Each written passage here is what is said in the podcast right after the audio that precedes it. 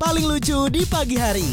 Desta, Gina, Kenny. Dengerin DGITM sekarang.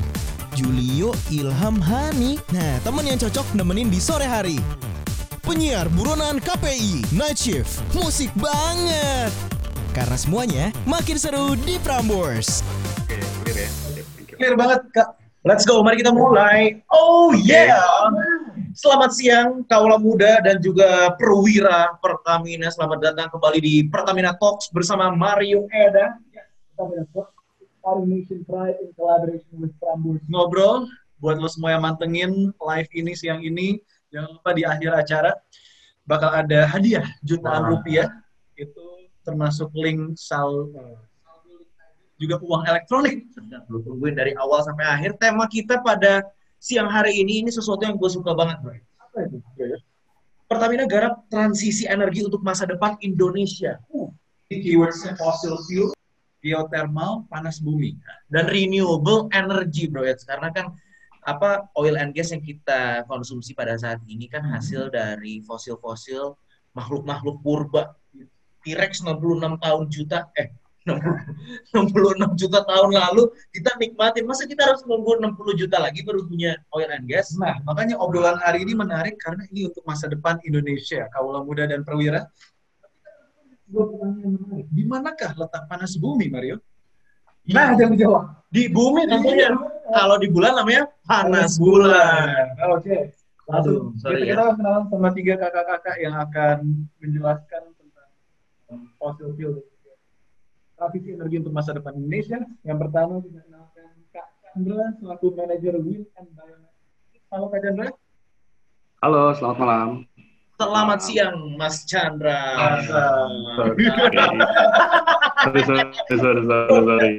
Enggak, kalau jadi Oh, kenapa jadi. waktu sibuk untuk eh, apa ya nyari oil dan gas terus dan Kan kita sempat ngobrol sama Kak Hengki, Iya. Kak Kris Tampo, sama Kak Wahyu. Kan Iya. Kerjanya tuh nggak 8 jam, 12 jam. Mantap.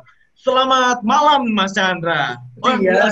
Oke, Yang kedua, selamat siang kalau gitu. ini analis Ji, halo Kak Jati. Selamat siang, Mas Jati. Halo, Mas Jati. Halo, siap. Nah, Selamat siang semua. Kaget saya Mas Jati. Dia sengaja. Sengaja nih Mas Jati tuh suka ngagetin saya deh. Emang suka gitu kalau muda nggak apa-apa. Terakhir ada Kak Bayu, ini spesialis dua. Halo Kak Bayu. Yes. Ya. Sekarang kita pengen menanyakan sesuatu. Ini yang benar kan? Iya, benar. Salah, salah nih. Benar. Apa sih yang dimaksud dengan energi baru dan yang diperbaharukan? Lalu seberapa besar potensi yang dapat dikembangkan oleh Indonesia? Ini langsung ke Kak Chandra dulu kayaknya. Silakan Kak Chandra. Oke, baik, terima kasih. Oke, sebelumnya nih kalau untuk kita ngomongin masalah energi terbarukan, tentu saja itu sebagai sumber dari energi yang bisa terbarukan secara alami ya. Jadi kalau kita bisa melihat example-nya tuh kayak energi surya, energi angin, panas bumi, biomass dan biogas yang di mana di Indonesia itu sangat melimpah. Jadi kalau sebagai apa namanya eh, informasi aja, kalau kita melihat dari potensi on di Indonesia itu kapasitasnya bisa sekitar 420 giga. Jadi 420 giga itu cukup besar. Jadi bayangin itu kalau giga itu ngomongnya jadi sekitar 420 ribu mega. Nah, kalau satu meganya itu bisa melistriki kurang lebih 2.000 sampai 3.000 rumah. Jadi bisa dibayangkan betapa besar potensi energi terbarukan di Indonesia yang bisa kita manfaatkan. Keren. Itu dari dari sektor yang manakah, eh, Mas Chandra? Dari sektor eh, panas bumi kah, angin kah, air atau gabungan dari semua itu? Ah, itu gabungan. Jadi kalau kita ngelihat kan memang kalau misalnya kita segmen ya di ah, energi matahari sebagai contohnya itu kita kan luas banget ya dan kita di negara tropis ya sinar matahari sepanjang tahun ya. Jadi Ya. cukup besar potensinya kalau kita kita manfaatkan. Termasuk juga panas bumi. Kita kan gunung berapinya banyak ya. Salah satu Betul. negara yang gunung berapinya cukup berlimpah ya. Jadi Ya. tentu saja potensi tersebut juga cukup banyak. Oke. energi yang Berarti- lain seperti biomass itu juga cukup besar. Oke. ya halo. Nah, Ini tuh aku punya sepupu Halo? juga tertarik sekali soal geothermal. Cuman ini apakah memang sebaru itu? Soalnya kalau di Indonesia ini kabarnya untuk jurusan geothermal itu masih sedikit nih Mas Chandra. Kalau geothermal sebenarnya sih sudah cukup lama ya kita menggeluti ya Pertamina dari tahun 1960 ya. Mungkin Hmm. Mas Jati itu lebih apa namanya eh, sangat apa paham ya kalau karena dia di geothermal ya. seperti itu. Oke. Tapi kalau misalnya geothermal sudah teknologi yang sudah cukup lama kita gunakan, jadi Oke. itu sangat ya reliable, sangat apa namanya bisa dimanfaatkan seperti itu. Oke. Nah, kembali lagi Ya. ke topik Pertamina Talks uh, hari ini, Kak Chandra. Tentang transisi energi untuk masa depan Indonesia. Kalau dari Pertamina sendiri, apa sih strategi dari Pertamina untuk uh, menghadapi transisi energi ini, Kak Chandra? Oke, tentu saja kalau misalnya dari sisi Pertamina memang kita akan mengembangkan kapasitas eh, untuk energi baru terbarukan sebagai menjadi transisi itu sebesar mungkin ya. Tapi di sini juga kita akan ada selain apa namanya kapasitas energi baru terbarukan tersebut, kita juga akan melakukan inovasi teknologi ya dan juga ke pengembangan SDM. Ini saya mau highlight sedikit mengenai apa namanya in- inovasi teknologi ya. Sebagaimana kita tahu kan saat ini teknologi itu bergerak sangat cepat ya. Jadi kalau misalnya perusahaan seperti Pertamina ingin mengikuti perkembangan tersebut, tentu saja kita harus memperkuat yang namanya inovasi.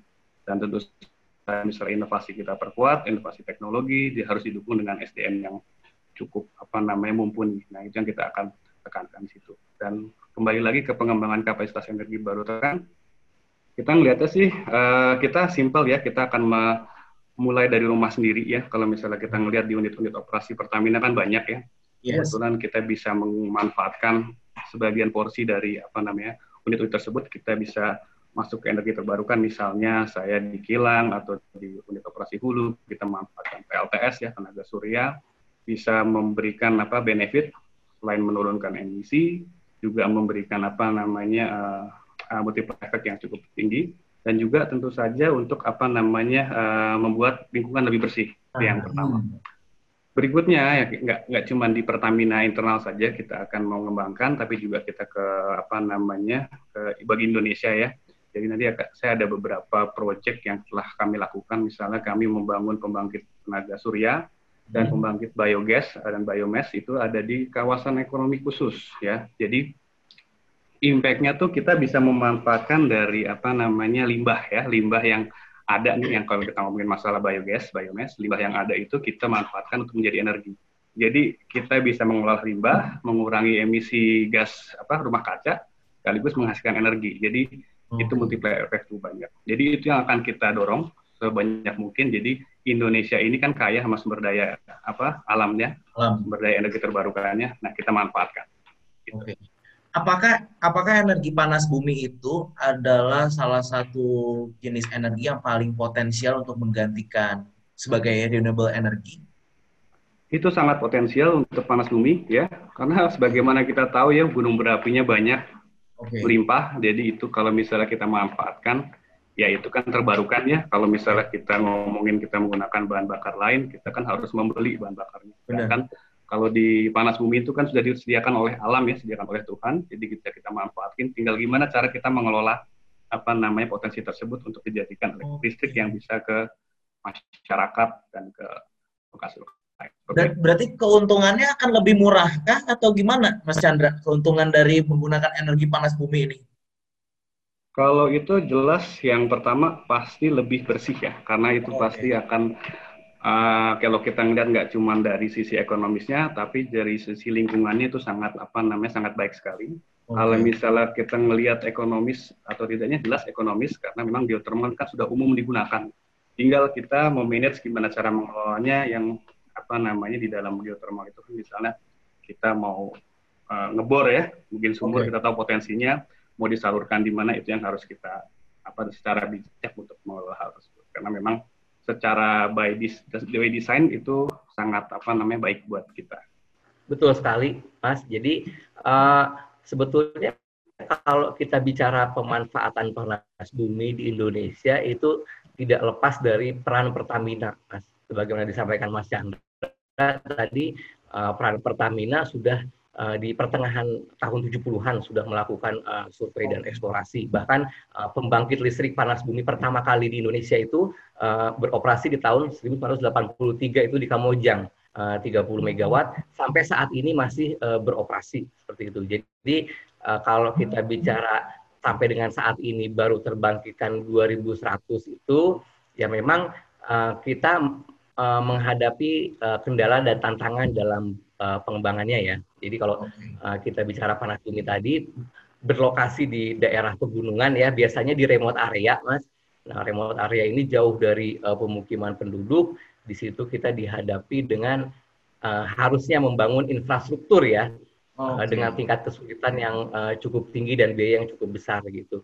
Selain itu juga, memang dari sisi kebijakan uh, pengembangan panas bumi ini butuh insentif yang luar biasa dari pemerintah. Kalau tadi uh, mencontohkan pengembangan di New Zealand, di Iceland, di Amerika, di Filipina gitu ya itu uh, perangkat uh, kebijakannya sudah sangat uh, mendukung pengembangan panas buminya karena uh, mengembangkan panas bumi uh, sangat ekonomis gitu ya. Nah, nah itu yang uh, saat ini kita butuh uh, dukungan dari pemerintah terkait uh, kebijakan yang uh, mencerminkan tingkat resiko dan uh, keekonomian bisnis panas bumi. Seperti itu, Mas. Pengembangan panas bumi sama dengan cost efficiency. Ini ngomongin soal pengembangan ke Kak Bayu. Um, soal pengembangan research and technology center ini dengan Pertamina, Kak Bayu. Ah, oke. Okay. Suara saya terdengar ya? Terdengar, ah, terdengar, mantap. Oke, okay, Oke, okay, Mas, terima kasih. Jadi pertama saya kabarkan dulu nih, nama Research and Technology Center baru baru per hari ini sebenarnya berubah. Berubah uh. jadi Innovation and New Ventures gitu ya. Jadi ini launching sekalian Innovation and New Ventures Pertamina. Oke oke. Okay, okay. Kenapa namanya Innovation and New Ventures? Karena memang peran kami itu ada dua, Innovation dan New Ventures. Gitu. Jadi ada dua fungsi utama yang kita jalankan. Yang pertama, innovation ini mendukung bisnis existing Pertamina dalam rangka pengembangan teknologi, problem solving hingga hingga pengembangan bisnisnya ya nanti ya. Itu kita dengan PPI dengan Mas Chandra kita sudah ala intens uh, berdiskusi bekerja sama kalau PPI mau melakukan ekspansi ke bisnis baru itu biasanya kita kita lakukan bersama-sama. Dan biasanya kalau ada teknologi yang lebih ke fundamental maka eksperimentasi itu dilakukan di di, di Innovation and New Ventures ini. Namanya dulu RTC ya, Research and Technology Center. Nah, yang fungsi kedua sesuai namanya New Ventures. New Ventures ini kita melakukan inisiasi pengembangan bisnis baru yang idenya bisa didapat dari internal Pertamina sendiri, misalnya dari teman-teman di PPI, teman-teman di research uh, di research center, lalu bisa juga dari universitas di Indonesia, itu juga banyak yang memberikan ide untuk pengembangan bisnis, pengembangan teknologi baru di Pertamina dan terutama teknologi di luar negeri ya. Kita juga benchmark ke luar negeri kira-kira teknologi apa yang yang kira-kira cocok diaplikasikan di Indonesia. Gitu. Jadi kita cari idenya, lalu kita lakukan komersialisasinya dan ujungnya sebenarnya uh, targetnya adalah terbentuknya new ventures baru yang bisa mendukung bisnis Pertamina ke depannya gitu. Itu secara spesifik, Mas. Yes. Tapi secara lebih long term, lebih global, sebenarnya innovation and new ventures ini mempersiapkan Pertamina untuk menghadapi transisi energi ke depan ya. Kita lakukan dalam empat tahap biasanya. Yang pertama kita simulasikan kondisi uh, bisnis energi ke depan, gimana efeknya terhadap Pertamina baik secara langsung maupun tidak langsung. Ini contoh terdekatnya misalnya masuknya ini ya electric vehicle EV. EV ini diperkirakan akan dominan di 2040 ya. Kalau EV sudah dominan, maka orang nggak beli lagi bensin ya. Yeah. Nah, revenue Pertamina bisa bisa terdegradasi secara drastis di situ. Yeah. Nah, kita mulai memikirkan di sini. Kalau misalnya EV masuk, siapa yang bisa kita lakukan gitu ya. Jadi yang yang kedua, yang pertama kita lakukan simulasinya. Yang kedua lihat opportunity apa sih yang bisa diambil Pertamina untuk bisa survive dan bahkan bisa berkembang ya.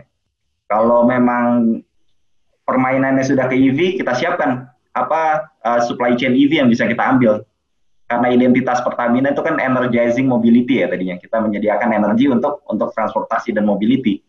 Identitas itu bisa tetap kita pegang dengan tapi merubah ya. Kita supply-nya bukan lagi liquid fuel tapi lebih ke battery lebih ke charging station dan dan bentuk energi lainnya gitu ya.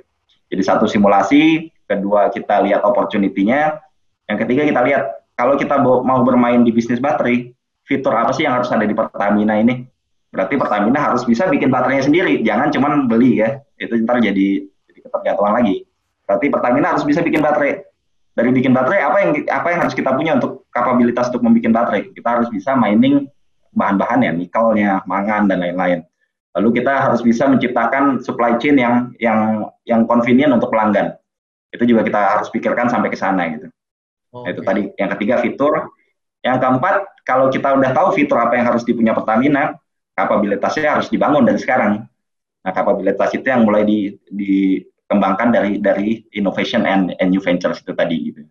Jadi kira-kira seperti itu, Mas peran innovation and new ventures, bukan research and technology center lagi namanya. Oh, okay. aku innovation new venture. Aku penasaran, ini kan kalian lagi mempersiapkan transisi, apakah 2020 tuh kita udah masuk yang namanya oil peak ya? Oil peak diperkirakan ini selalu bergeser sebenarnya. Oil peak ini sangat-sangat liquid ya kondisinya. Jadi kalau di tren yang terakhir 2030, tapi okay. kalau Anda baca 2000, teman-teman baca 2000 2010 peaknya di 2020 gitu ya. Ini sangat liquid karena ada penemuan baru shale gas, peak, oil peaknya bergeser lagi. Dengan ber, ada COVID ini juga supply demand ber, bergeser, maka oil peaknya juga akan bergeser lagi. Cuman oil peak itu akan akan sampai, oil peak itu akan sampai dan itu tidak mungkin tidak lama di, di, di generasi kita akan akan mengalami ya, apalagi generasi milenial nanti ya. Mungkin. Ya, 30 tahun mungkin. 30, 30 tahun, tahun itu angka yang yang visible ya untuk, untuk menyebut oil peak ya.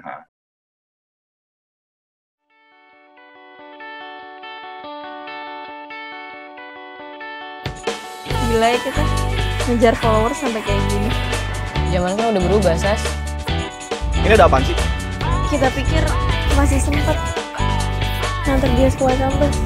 Berhenti aja kalau gitu. Berhenti! Sasti, gue mau ngomong. Gue gak suka ya cara lo, Sas kita traveling bareng, semua keputusan perjalanan harus didiskusiin dulu. Semua trip gila ini tuh awalnya ide lo. Gue setuju lo aja. Gue gak peduli, terserah lo, Sas, terserah. Eh, lo ya. gak usah pusing mikirin gue. Ya udah terserah lo! Jadi gue sama Kanya tuh lagi coba naikin followers account. Karena dari situ kita bisa naikin penghasilan. Gak capek apa ngejar yang jelas kayak gitu? Lo tuh masih muda, tapi pikiran lo tuh penuh banget ya. Kalau sampai ini mobil nih, masuk bengkel lagi, udah deh bisa kita bubar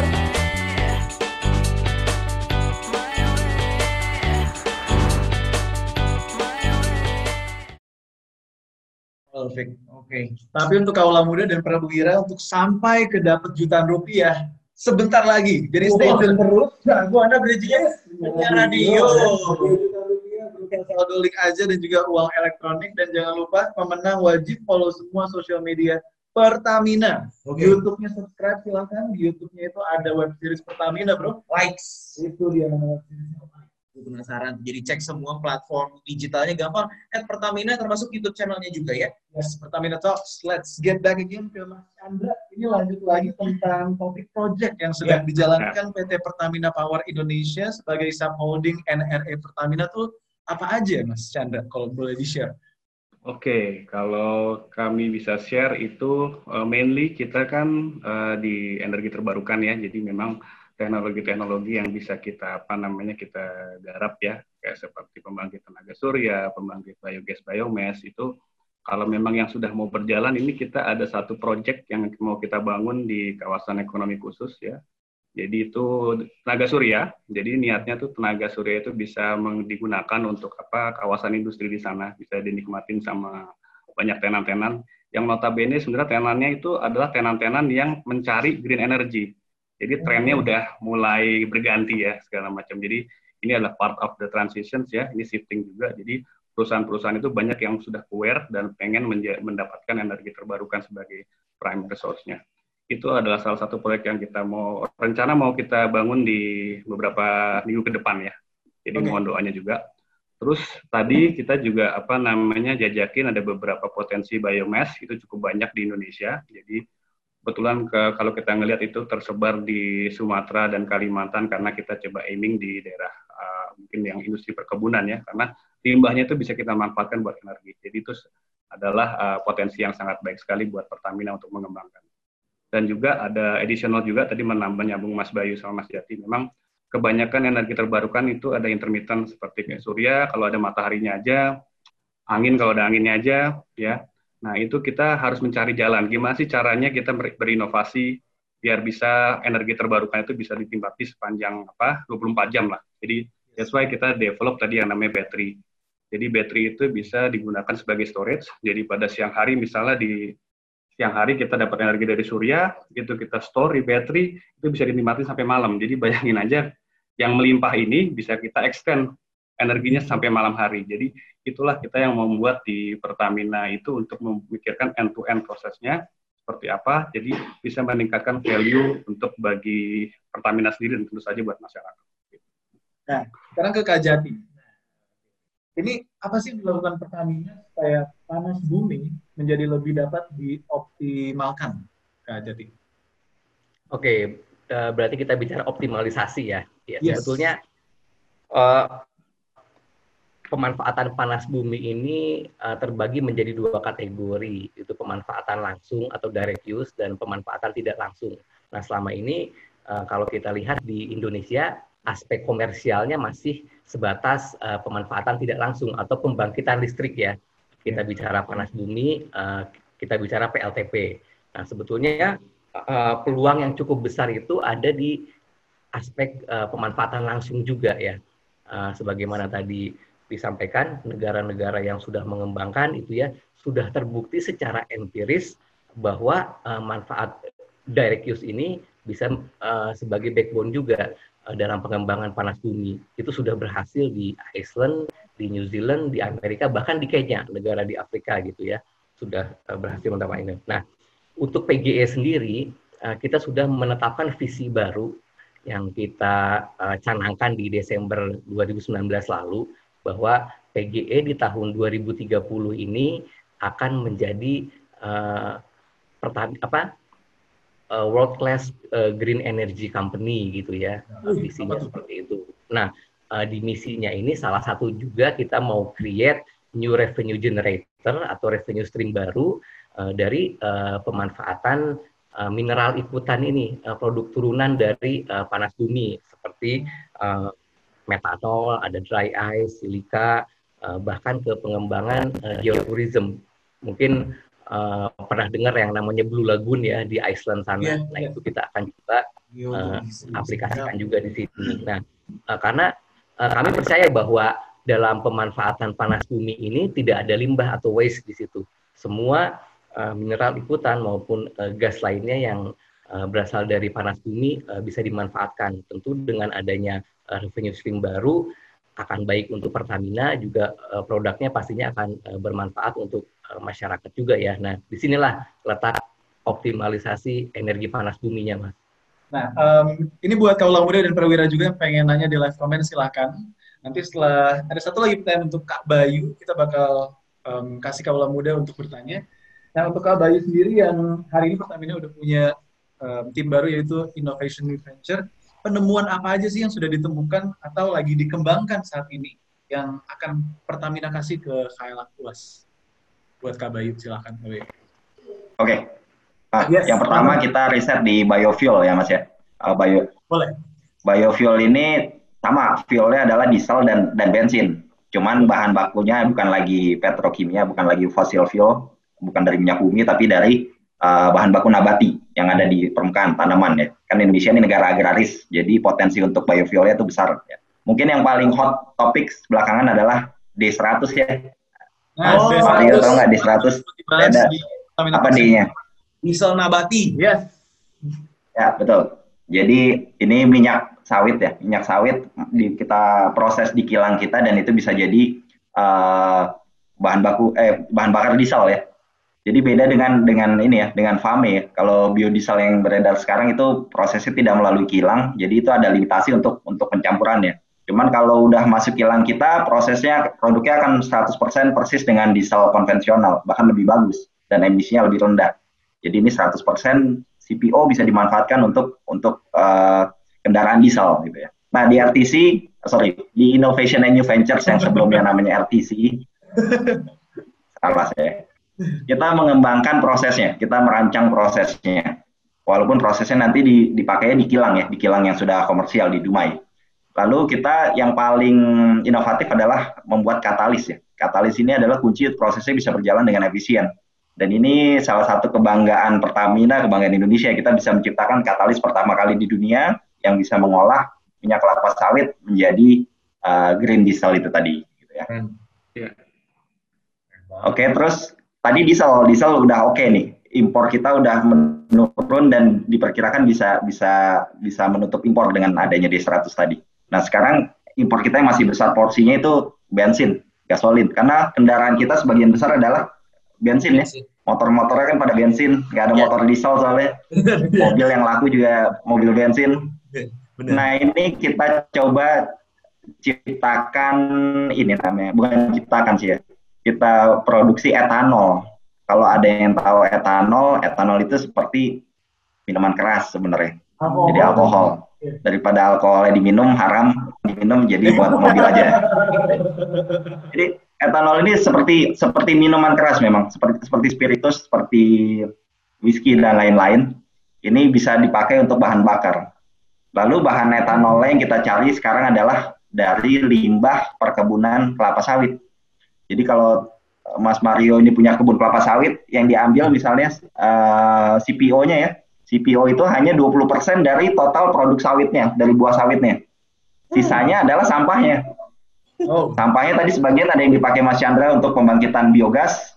Iya. Nah, kita sampah padatannya ini kita coba olah untuk menjadi bioetanol gitu, Bioetanol. melalui eh, mikrobial proses ya, proses bakteri.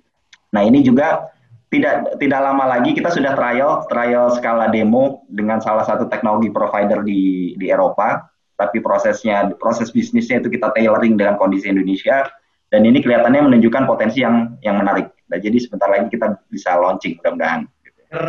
Terus Jadi benar-benar habis ya. yang yang lebih yang lebih unik nih ya, Mas Mario, Mas Eda mungkin tahu lumut ya, tahu. lumut ganggang. Ini kalau skalanya lebih kecil lagi sebutnya alga. Oke. Alga ini juga kita tumbuhkan sengaja di air kita supaya hijau, supaya keruh. Lalu alganya kita ambil dan kita ekstrak itu ada ada minyaknya dan minyaknya bisa jadi minyak diesel dan sebagai chemical ya, biochemical gitu. Buat suplemen makanan, buat kosmetik dan lain-lain itu juga kita kembangkan di sini. Terus ada beberapa lagi, contohnya ini ya, eh, batu bara, batu bara kita karena batu bara kita kualitasnya makin menurun ya, yang tersedia low rank coal sekarang ya. Low rank coal itu kalau untuk dibakar langsung emisinya kurang baik dan e- efisiensinya kurang baik, dijual juga kurang laku. Nah itu kita ubah jadi namanya dimethyl ether. Dimethyl ether itu senyawa yang seperti LPG teman-teman pakai di rumah gitu Oke. untuk masak. Karena LPG kita masih juga sebagian besar impor, 70% masih impor. Jadi kalau kita bisa merubah coal yang memang tersedia di Indonesia, dirubah jadi namanya DME ini, kita bisa gantikan impor LPG. Gitu. Sedap sih, enak kalau kita udah mandiri, Terus? energi ya. Oh masih ada lagi kan? Masih ada lagi. Astaga, banyak juga Masih ada. Indonesia. Dan yang sektor besarnya ya, sektor besarnya ya tadi EV apa electric vehicle. Ini mau nggak mau emang kita harus dealing dengan electric vehicle. Oh. Nah ini kita mengandalkan sinergi BUMN dengan Inalum, dengan ya terutama Inalum kita bikin ini eh, berbagai sektor eh, produksi baterai, mulai dari sel baterainya, lalu kemasan baterai manajemen sistem sama ini yang terpenting charging stationnya. Charging stationnya juga kita kembangkan gimana charging station yang efisien gitu karena chargingnya akan berbeda nanti ya. Kalau kalau Mas Enda ini bawa motor listrik nggak mungkin kan ngecas dulu ngecas HP aja lama ini bawa motor sejam ngecas dulu kayak gitu nah itu itu juga kita pikirkan gimana caranya Wow. In the future tuh nanti mungkin Pertamina tuh mau Elektronik. mau dicas berapa nih? 2040. Ada pertanyaan bagus lagi dari Kaula Muda dan Perwira buat Kak Bayu. Dari Ahmad ini Kak Bayu, apakah energi baru yang telah dioptimalkan dapat diimplementasikan pada kehidupan sosial di Indonesia secara maksimal? Bagus tuh. jadi nature-nya new and renewable energy ini biasanya small and distributed mas jadi small itu pembangkitannya biasanya nggak nggak bisa besar besar banget kayak batu bara Oke. atau kalaupun processing fuel tidak sebesar kilang kilang mm, petrokimia ya kilang fossil fuel Jadi sifatnya dia akan jadi kecil-kecil tapi lokasinya tersebar di seluruh wilayah yang punya resource itu tadi. Oke. Jadi kalau kayak Mas uh, Mas Chandra ini bangun solar PV mungkin nanti masuk-masuk ke remote area ke desa-desa yang bahkan belum pernah menyentuh uh, listrik ya karena belum ada grid gitu. Sedangkan kalau kita dealing dengan biofuel tadi dengan sampah sampah kelapa sawit, maka kita masuknya bikin pabriknya tuh di tengah eh, kebun kelapa sawit sana. Oh, oke. Yang orangnya mungkin masih belum terlalu maju ya. Maksudnya kayak perekonomian sana belum terlalu maju. Tentu saja kalau dengan penerapan teknologi ini untuk kesejahteraan uh, Indonesia pada umumnya, impact yang pertama di dirasakan itu di di remote areanya itu sendiri. Jadi petani-petani sawit ini akan akan lebih merasakan benefit ya dari dari kegiatan ini. Terus kalau kita ngomong global, tentu saja ini akan mengurangi nilai impor ya. Nilai impor itu secara makro akan meningkatkan kesejahteraan uh, bangsa Indonesia pada umumnya gitu ya. Ya. Dan secara spesifik tadi ke ke petani-petani pemproduksi sawit yang tadi. Lalu karena ini biasanya kecil, uh, kecil dan uh, tersebar, maka involvement di stakeholder itu akan akan banyak, akan melibatkan banyak ya. Jadi kalau kita bikin bisnis di di satu desa, nanti di desa itu juga mungkin akan ada banyak banyak perusahaan-perusahaan kecil yang yang tumbuh untuk mendukung si, uh, bisnisnya itu sendiri. Nah ini nih uh, multiplier effect yang yang bisa digulirkan dari kegiatan di new and renewable energy kalau dioptimalkan dengan dengan maksimum itu tadi mas.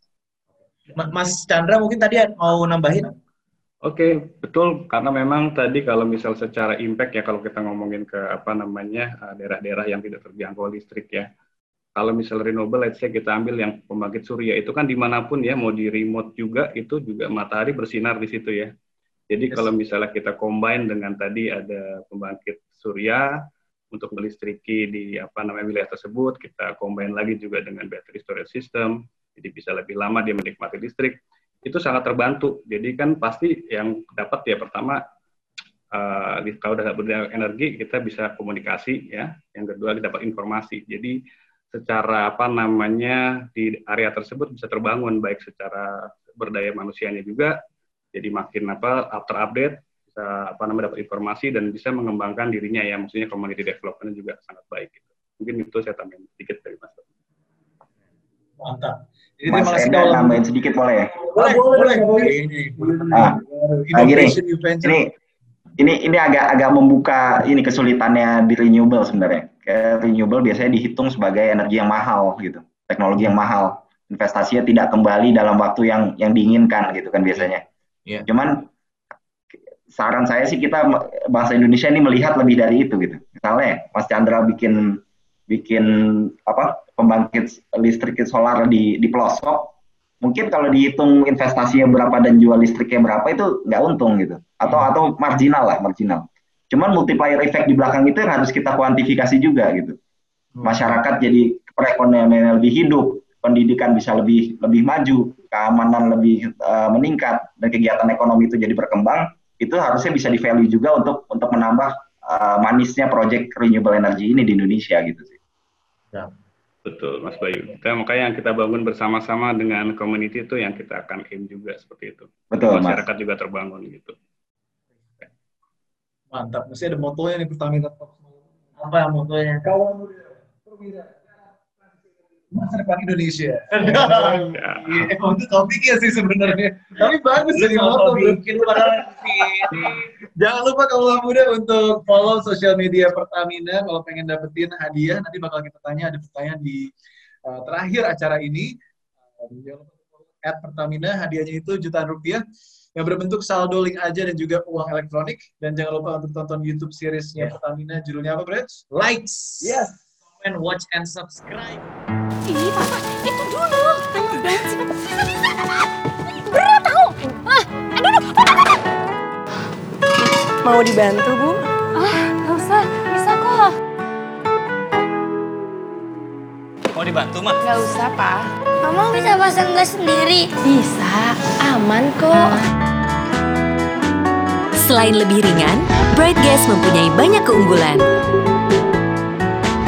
Segel berhologram akan berubah warna jika segel tersebut asli. Barcode pada segel dapat di-scan melalui aplikasi smartphone. dan terdapat kartu pengaman ganda sehingga dua kali lebih aman dalam mencegah kebocoran LPG. Memasak pun jadi lebih aman dan nyaman. Ayo, lagi ngomongin mama ya. Enggak, ini si Ade. Mama mirip superhero. Semuanya kerjain sendiri. Mama jagoan ada. Jagonya papa juga dong. Bright Gas, ceriakan kehangatan keluarga. Yes, and this is what we like. Kita punya rapid fire challenge questions buat kakak-kakak, Kak Bayu, Kak Chandra, sama Kak Jati. Nih, kita mulai dari siapa dulu ya? Uh, Dari Kak Jati. Kak Jati, boleh. Oke, Kak Jati, ini rata-rata lokasi geothermal da- itu kan ada di lokasi pegunungan ya. Nah, gimana sih cara Pertamina Geothermal melakukan interaksi dan engagement dengan masyarakat sekitar? Boleh, Kak Jati. Interaksi dan engagement ya. Kalau ini Yes. berarti terkait eh, program CSR kita ya. Cuman sebelum saya cerita tentang program CSR kita, saya cerita pengalaman saya di Ulu Belu. Dulu Ulu Belu ini di Tanggamus ya, eh, di Provinsi Lampung. Jadi dulu di tahun 2009 pertama kali saya ke sana, akses ke lokasi itu kan jalannya cuma tanah, batuan gitu lah ya. Kalau dari kota terdekat itu kota Lampung itu butuh waktu sekitar enam jam lah masuk masuk ke hutan itu. Nah dengan adanya pengembangan proyek panas bumi kita membangun infrastruktur di sana ada jalan ada jembatan dan lain sebagainya.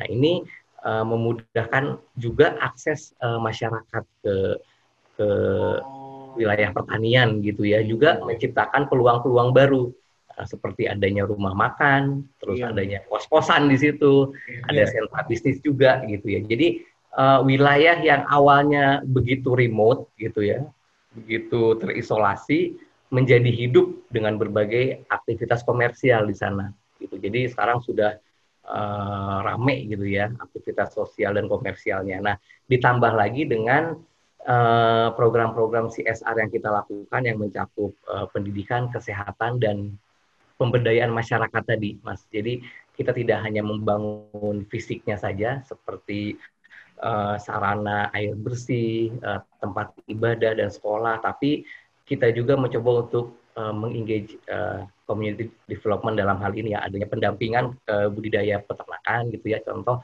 eh, domba di Garut, di Lampung juga ada, terus untuk sektor pertanian ada eh, budidaya apa kopi, terus jamur dan lain sebagainya.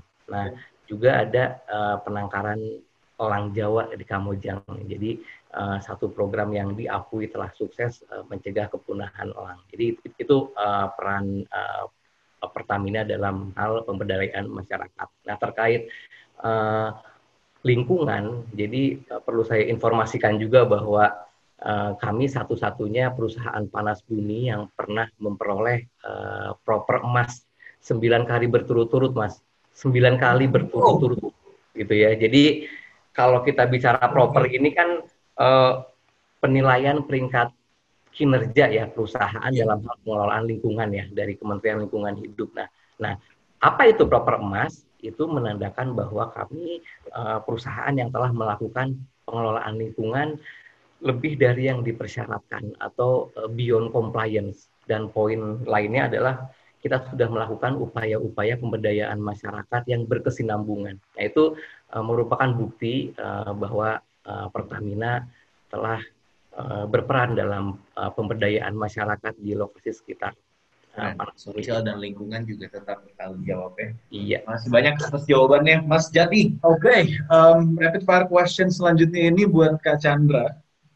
Kak Chandra, saat ini saat kita ngobrol, dari skala 1 sampai 10 Kak Chandra, itu Pertamina seberapa siap dalam mengelola energi baru terbarukan ini? 10. Dari 10 sih kita ya bisa jadi 11 sih ya. kita memang harus lah karena memang kita kan memang kita aimnya menjadi apa leader dan champion di energy transition ya. Jadi kita harus ready dan segala macam challenge-nya itu pasti ada ya dari semua apa namanya eh, hal-hal baru itu pasti ada challenge-nya. Tapi memang kita harus ready tadi dengan cara tadi inovasi teknologi, penguatan SDM dan segala macamnya kita akan prepare ya untuk menghadapi transisi energi. Jadi eh kita nggak perlu khawatir deh, as long as kita apa namanya konsisten ya untuk melakukan itu ya, saya percaya sih kita akan jadi ya salah satu ya top best player ya bukan hanya di Indonesia tapi di dunia karena mengingat potensi di Indonesia tuh gede banget gitu kan energi terbarukannya. Gitu. Kalau kita lihat potensinya aja ya, why not ya we can be number one in the world. Keren bro, the future is now bro. Iya, bro. Udah siap sampai 2000 Buat kalau muda lagi nonton juga, Iya. sekolah yang bener, masuk Pertamina, kembangkan renewable energy, oke? Iya, Jangan lihat Instagram mulu, Instagram mulu, follow at Pertamina biar belajar. ya. Sekarang buat Kak Kan dalam tim Innovation New Venture. Nah, ah, aku sama Mario pengen tahu penemuan yang paling berkesan buat Kak Bayu itu apa selama bekerja di Pertamina? Penemuan paling berkesan gitu ya. Yes. Eh, apa ya? Banyak yang berkesan soalnya sih. Pilih, nemu jodoh nih kayaknya. gini gini. Ada ada pernah kita dipanggil ke satu daerah di ini di Sulawesi. Oke. Boleh nyebut nyebut daerahnya boleh nggak? ya? Boleh, Boleh dong, biar tahu. Boleh. Kita ke Jeneponto gitu, dipanggil ke Pemda Jeneponto. Di sana ada banyak potensi untuk pembuatan bioetanol gitu. Oke. Walaupun pohonnya itu liar, pohonnya itu pohon liar bukan pohon yang dibudidayakan gitu. Terus waktu itu sampai sampai ini ya, sampai bupatinya sudah datang ke sana ya kita menemui kita dan dan menginisiasi gitu. Kenapa kenapa kenapa uh, Pemda dan Bupati itu sampai semangat sekali mengundang Pertamina untuk untuk meminta bantuan uh, penerapan bioetanol di sana. Setelah kita selidiki kenapa? Karena bisnis apa itu juga bukan tanaman budidaya yang jadi bisnis gitu, tidak tidak banyak men- me- mungkin menambah pendapatan daerah tapi bukan sesuatu yang yang besar gitu. Rupanya karena motivasinya masalah sosial. Di sana uh, bioetanol yang tidak termanfaatkan itu buat mabok-mabokan para pemudanya gitu. Aduh, gimana? Kalau udah bikin Jadi- malu dong. Jadi de- dengan tidak adanya pemanfaatan itu dan tidak ada yang menginisiasi pemanfaatan itu, kriminalitas jadi tinggi. Iya. Kriminalitas jadi tinggi, lalu pemberdayaan masyarakat jadi kurang kurang optimal dan segelintir masalah sosial lain yang timbul gara-gara sering mabok-mabokan itu. Ada ada Gitu, dua jadi- ya jadinya ya. Anak muda nih ada yang meneliti etanol untuk Masa masa, depan depan dan ada yang mengkonsumsi etanol. Hanya masa masa sekarang. Aduh. Ya, lu di mana? Lu di Sebenarnya semangatnya udah betul, semangat penelitinya udah betul. Cuma arahnya aja yang belum tepat. Aduh, kamu ada tim yang mana kalau muda? Oke. Oke, ini ya pertanyaan terakhir yang menurut gue cukup penting. Eh, di sini kalau muda dan perwira lagi nonton dan pastinya sebagai anak muda kita pengen untuk dilibatkan kakak-kakak Pertamina. Nah, hal apa yang dapat dilakukan oleh masyarakat kaula muda dan perwira saat ini untuk membantu pengembangan energi baru dan terbarukan bagi Indonesia? Selain jangan mabok. Ya. Lu nama jawab Kak Chandra dulu boleh? Kak Chandra. Oke. Eh, mungkin kalau untuk membantu ya, membantu pengembangan ya pertama selain yang mendukung ya, kita mencoba untuk menggunakan ya. Kita juga harus tahu bahwa energi itu nggak gampang memperolehnya ya. Jadi dari teman-teman melakukan apa namanya efisiensi ya, misalnya kalau misalnya malam udah nggak digunakan lampunya, AC-nya dimatikan karena we know exactly kita betapa sulitnya untuk memperoleh energi. Yang pertama. Yang kedua, ya tadi kita coba akan promote yang namanya ya clean energy. Jadi kan kita juga tahu bahwa energi baru terbarukan itu energi yang bersih, mengurangi emisi, dan ini bermanfaat buat nanti sampai ke depannya anak cucu kita segala macam akan menerima apa namanya manfaatnya. Jadi start using renewable energy. Jadi kalau misalnya memang kita punya opsi untuk memilih uh, penggunaan energi apa, ya kita gunakan energi yang ramah lingkungan. Mungkin dari situ sama ya tadi ya kita uh, apa namanya innovate, kita bantu ya kalau misalnya teman-teman kan sekarang kreatif-kreatif ya, banyak apa namanya banyak informasi, banyak aktivitas yang bisa dilakukan, bisa research-research segala macam ya kembangkan, bantu dari sisi kita untuk mengembangkan teknologi yang inovatif dan uh, ujung-ujungnya akan mengembangkan energi baru terbarukan. Mungkin dari itu dari saya. Mantap. Kalau dari Kak Bayu? Ya, dari saya uh, mungkin yang yang paling dekat ini kalau NRE ini bisa diterapkan, terutama yang pengolahan biofuel. Biofuel ini akan melibatkan stakeholder yang banyak ya dan supply chain yang banyak. Nah ini mungkin banyak startup-startup yang bisa dibentuk untuk membantu bisnis itu gitu ya. Karena ini mungkin benchmarknya belum banyak di luar negeri dan di Indonesia ini bisa jadi model pengembangan bisnis yang bagus gitu. Dan ini uh, peluang ya karena kan trennya di anak muda sekarang semua bikin startup, startup, startup dan banyaknya ke IT ya, IT, teknologi dan lain-lain. Ini kenapa tidak startup untuk mendukung bidang energi? Ini kan masih jarang ya. Dan ini ada peluang ya di Pertamina uh, bersama dengan Pertamina gitu. Lalu untuk yang yang masih sekolah, masih kuliah kali ya, nah. teman-teman milenial. Ini pesan saya sih ya geluti NRE, cintai NRE karena NRE ini surganya ada di Indonesia dan masa oh. depan Indonesia ini ada di NRE gitu. Jadi Aha. ini penting sekali jangan jadi jangan takut untuk belajar IPA, belajar fisika, belajar kimia, itu semua bisa dibuat menyenangkan gitu ya. Ayo Mario yang dulu. Loh, Siapa tahu Mario di masa depan, bro. Eh, masa lalu mendengar ini, cuy. Saya menyesal sekali. Dari Mas Jati, Mas Jati tolong nih, Mas Jati. Ya, baik. Uh, peran anak muda ya. Yes. Jadi sebetulnya uh, keterlibatan anak muda ini uh, merupakan langkah strategis ya untuk kita itu mencetak generasi sadar manfaat dari EBT gitu ya. Nah, dalam hal ini eh, anak-anak muda atau mahasiswa uh, perannya menjadi penting bersama-sama dengan kami ya di PGE sebagai garda terdepan yang terus mensosialisasikan manfaat pengembangan EBT ya khususnya panas bumi. Jadi kalau Mas Mario, Mas Eda gitu gosip ya gosipin panas bumi gitu. Main TikTok gosipin panas bumi gitu. Terus yeah. uh, sosialisasikan karena uh, nggak semua masyarakat uh, tahu gitu ya aware dengan uh, potensi yang begitu besar di Indonesia. Uh, panas bumi ini manfaatnya juga seperti apa? Kita masih ngalami uh, di beberapa proyek kita ada penolakan-penolakan dari masyarakat. Kan sedih gitu ya. Iya sih.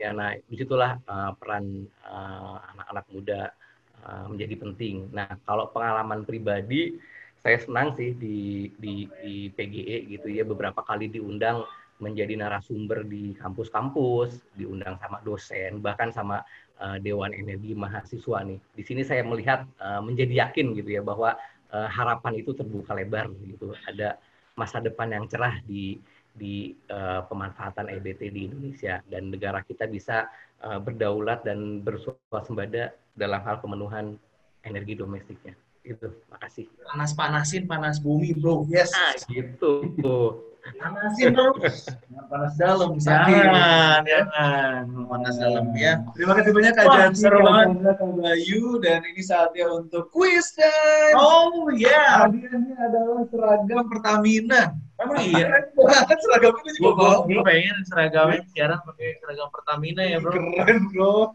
Waduh. Pasti pas ya. Eh, adanya bukan Adanya bukan itu tapi jutaan rupiah. Dan pertanyaannya apa, Saudara Mario? Waduh, gua gua tahu Kaulah muda dan perwira, di manakah letak panas bumi? Silahkan dijawab dan wajib untuk follow Instagram dan semua sosial media at Pertamina. Panas bumi di mana nih? Di manakah letak panas bumi? Oh, iya, iya. Di bumi ya, iya. Gimana sih? Gue pengen menang juga, bro. Yaudah, terima kasih banyak. Terima kasih. Kak Bayu. Terima kasih. Mas Maria, Mas Eda. Yes. Terima kasih Mas Chandra, Mas Bayu. Have a good day. Berikutnya. Bye-bye.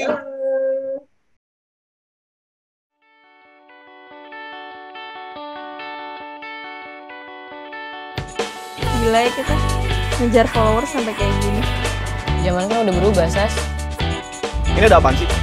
Kita pikir masih sempet nganter dia sekolah kampus. Berhenti aja kalau gitu. Berhenti! Sasti, gue mau ngomong. Gue gak suka ya cara lo, Sas.